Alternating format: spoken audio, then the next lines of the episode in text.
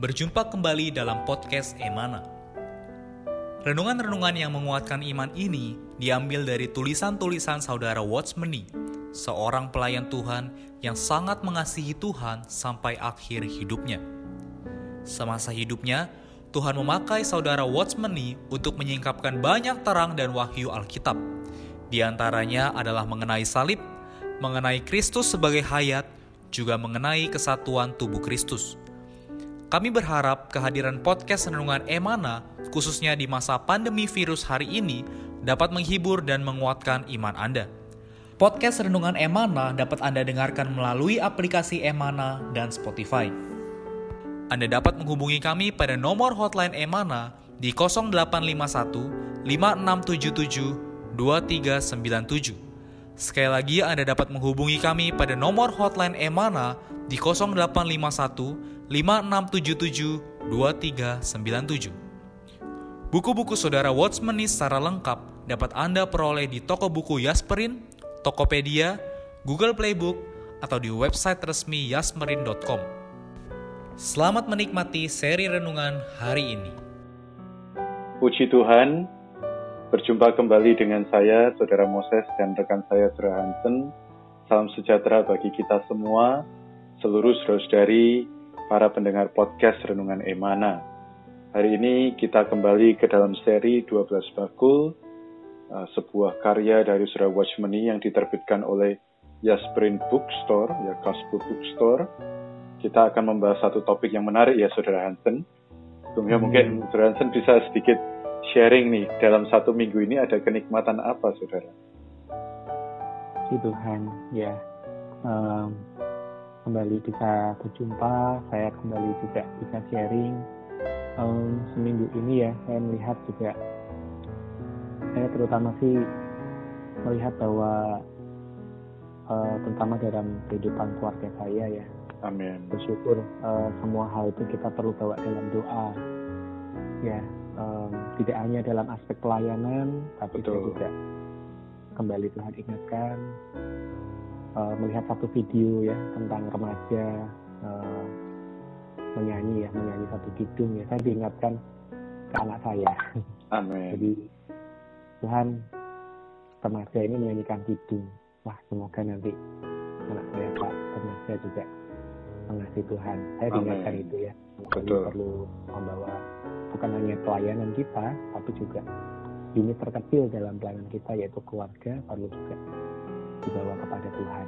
Itu yang saya uh, mau sharingkan ke saudara semua. Amin. Itu ya saya juga sangat ini ya tersentuh dengan minggu ini bagaimana memang Tuhan terus membawa kita dalam satu situasi di mana dia ingin menjadi yang terutama ya di dalam segala Amin. hal yang kita lakukan. Dan itu hanya bisa dilakukan ketika kita berdoa ya mendoakan diri kita ke dalam roh Uh, semakin intim dengan Tuhan, kita makin melihat diri Tuhan itu utama. Bagi satu minggu yang telah lewat ini kita sudah membahas mengenai hidup oleh iman, ya tidak menurut perasaan. Nah, semua itu juga hmm. hanya bisa kita tempuh jika kita memiliki kehidupan doa yang terus-menerus tidak berkeputusan. Nah, hari ini kita akan masuk ke dalam topik yang uh, juga masih berhubungan dengan uh, perkara yang serupa ya di mana kita perlu melihat ada satu jalan setapak menuju kemuliaan. Nah, apa itu jalan setapak menuju kemuliaan? Nanti akan kita lihat melalui renungan podcast Emana hari ini. Namun sebelum kita masuk ke dalam pembahasan, saya bacakan terlebih dulu ayat yang akan kita pakai untuk menjadi dasar dari renungan kita. Ini diambil dari Yesaya pasal 50 ayat 7. Tetapi Tuhan Allah menolong aku. Sebab itu aku tidak mendapat noda.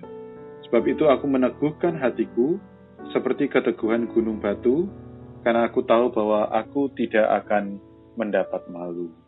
Ini satu perkataan yang sangat baik. Dari ayat ini, saudara, eh, kira-kira ada hal yang bisa dinikmati oleh para pendengar emana dari Yesaya 50 ayat 7 ini? Iya, dari ayat ini saya menikmati ya bahwa Tuhan Allah itu menolong kita ya. Jadi Tuhan menolong kita sehingga kita tidak mendapat noda. Ya. Tentu di dalam perjalanan hidup kita, kita sering kali diperhadapkan mau bersandar Tuhan atau bersandar pada kekuatan kita sendiri. Betul. Tapi ayat ini mengingatkan saya kembali bahwa ketika kita bersandar pada Tuhan, meminta pertolongan Tuhan, Tuhan itu tidak akan mengecewakan kita.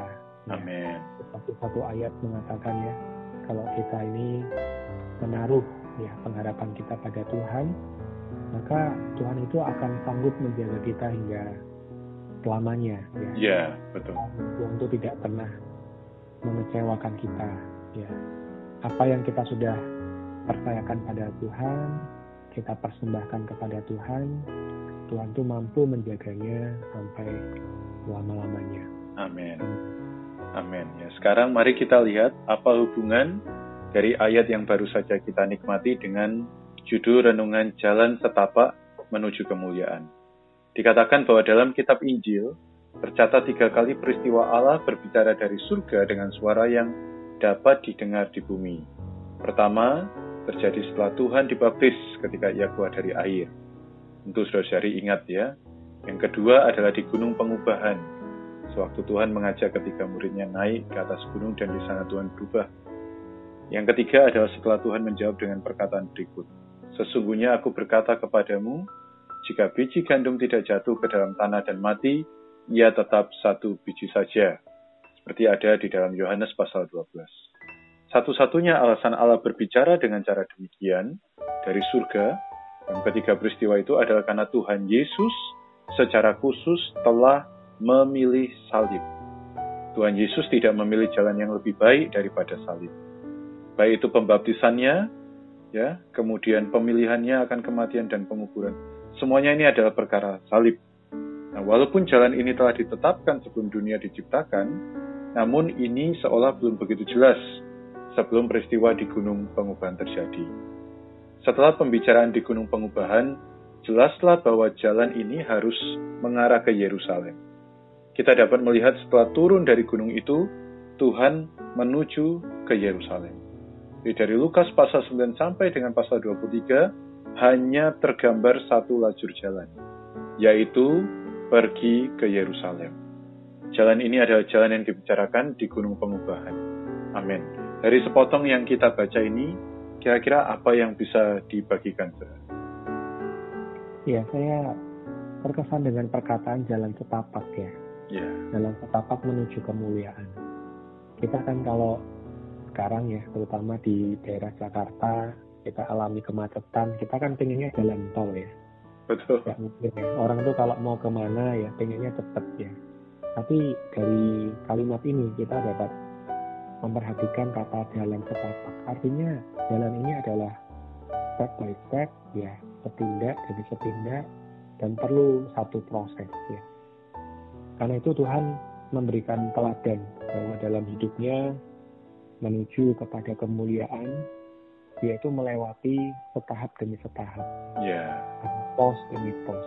Terutama dalam masa pandemi ini, kita perlu melihat di balik peristiwa pandemi tentu Tuhan mau kita juga setahap demi setahap mengikuti jalan yang Tuhan bentangkan buat kita yang tentunya itu adalah menuju kemuliaan yang Tuhan gambarkan, Tuhan inginkan adalah kita bisa dimuliakan. Amin. Tapi tentunya kemuliaan ini bukan menurut kemuliaan yang hari ini dikejar oleh orang-orang duniawi, ya, yeah. tapi adalah kemuliaan yang sifatnya kekal, kemuliaan yang rohani, yaitu kita boleh uh, bersama-sama menjadi para pemenangnya. Ya. Amin. Tentunya saya sekali lagi uh, terkesan dengan kata setapak ya. Kita perlu mengikuti Tuhan demi iman, Uh, step by step, hari demi hari bersandar pada Tuhan. Amin. Amin ya, saya betul setuju sekali Saudara ya bahwa uh, banyak orang menginginkan jalan yang lancar ya. Dalam hmm. hidupnya tidak ada masalah ya, seolah semua seperti uh, jalan bebas hambatan begitu ya. Tetapi hmm. kalau kita melihat yang namanya jalan setapak itu terkadang uh, perlu pelan-pelan ya, tidak bisa lari di jalan setapak, bisa terjatuh. Ya. ya. Nah, hidup kita memang sebuah perlombaan uh, seperti kata Rasul Paulus ya, tetapi memang di satu sisi di konteks ini kita perlu benar-benar mengikuti Tuhan tadi setahap demi setahap. Hubungan dengan ayat yang kita baca tadi ya, di dalam langkah demi langkah, setahap demi setahap ada Tuhan yang meneguhkan. Ya, saya melihat Tuhan itu memilih ya untuk naik ke kayu salib.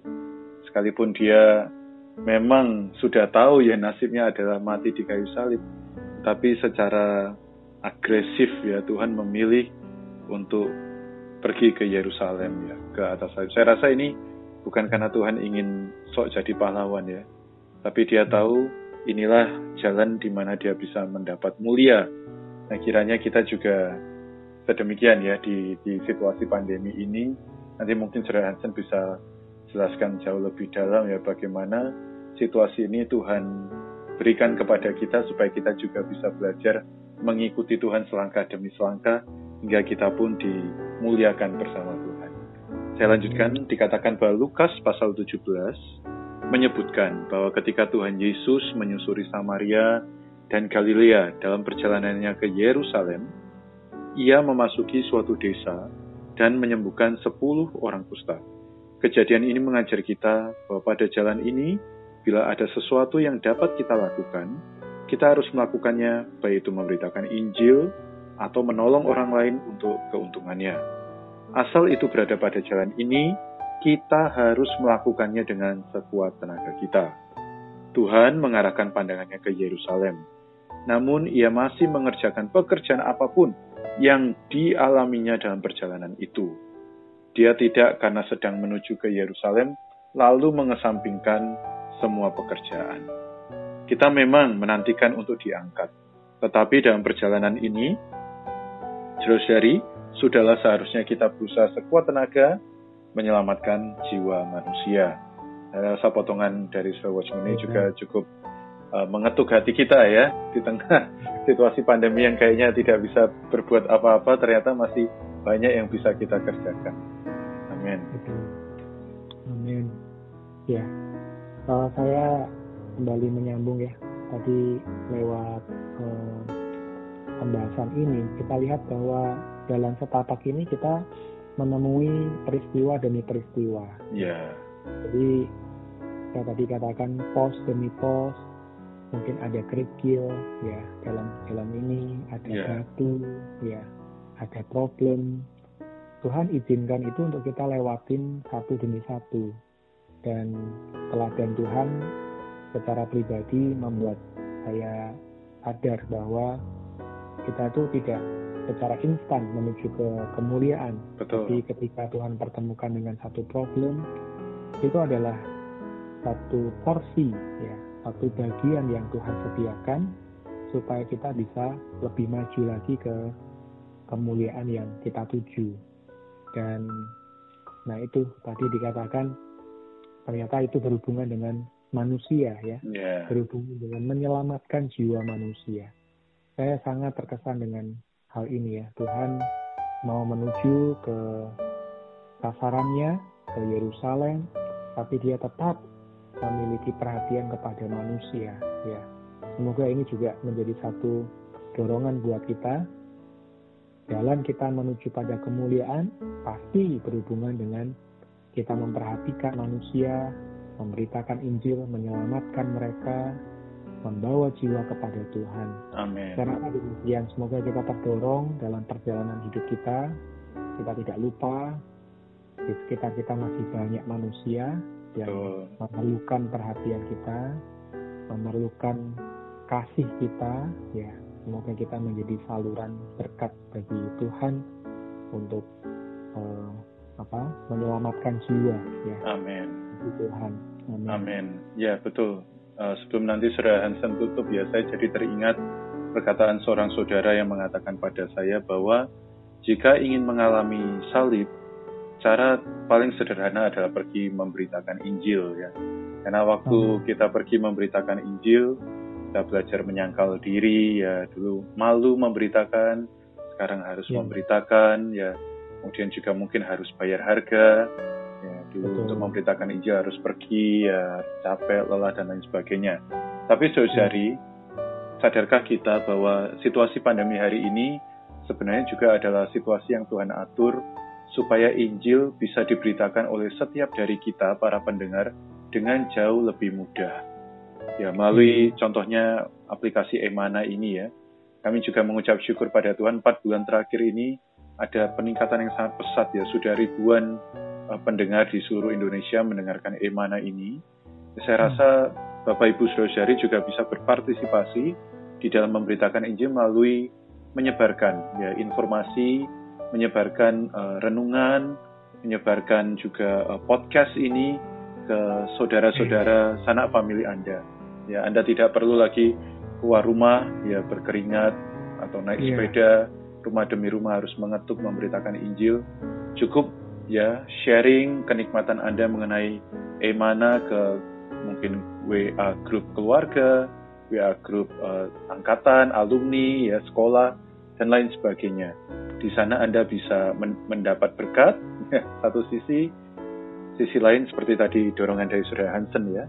Anda juga bisa menjadi orang-orang yang memberitakan Injil sehingga Anda berbagian di dalam kemuliaan Tuhan. Amen. Akhir kata dari saya, tetap kita ingat pada ayat hari ini, Tuhan Allah yang menolong kita di saat ya. mungkin kita merasa ragu, Tuhan aku lagi lemah ini Tuhan ya, kok malah diminta untuk memberitakan Injil, kok diminta untuk meneguhkan yang lain. Saudara-saudari, dialah yang akan meneguhkan hati kita, dia adalah gunung batu kita. Semakin kita menguatkan orang lain, semakin kita diri sendiri dikuatkan oleh Allah.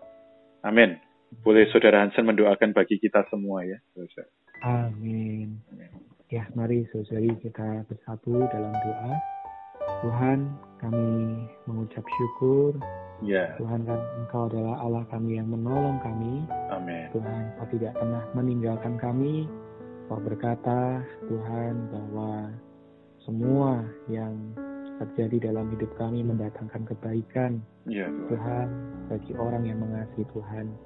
Kami percaya Tuhan ketika Engkau mengizinkan peristiwa terjadi, Tuhan itu adalah satu bagian yang Engkau berikan supaya kami boleh Tuhan menyelamatkan banyak jiwa. Tuhan memberitakan Injil supaya mereka boleh menerima keselamatanmu ya Tuhan. Amin. Tuhan dalam jalan setapak ini, Tuhan kuatkan kami.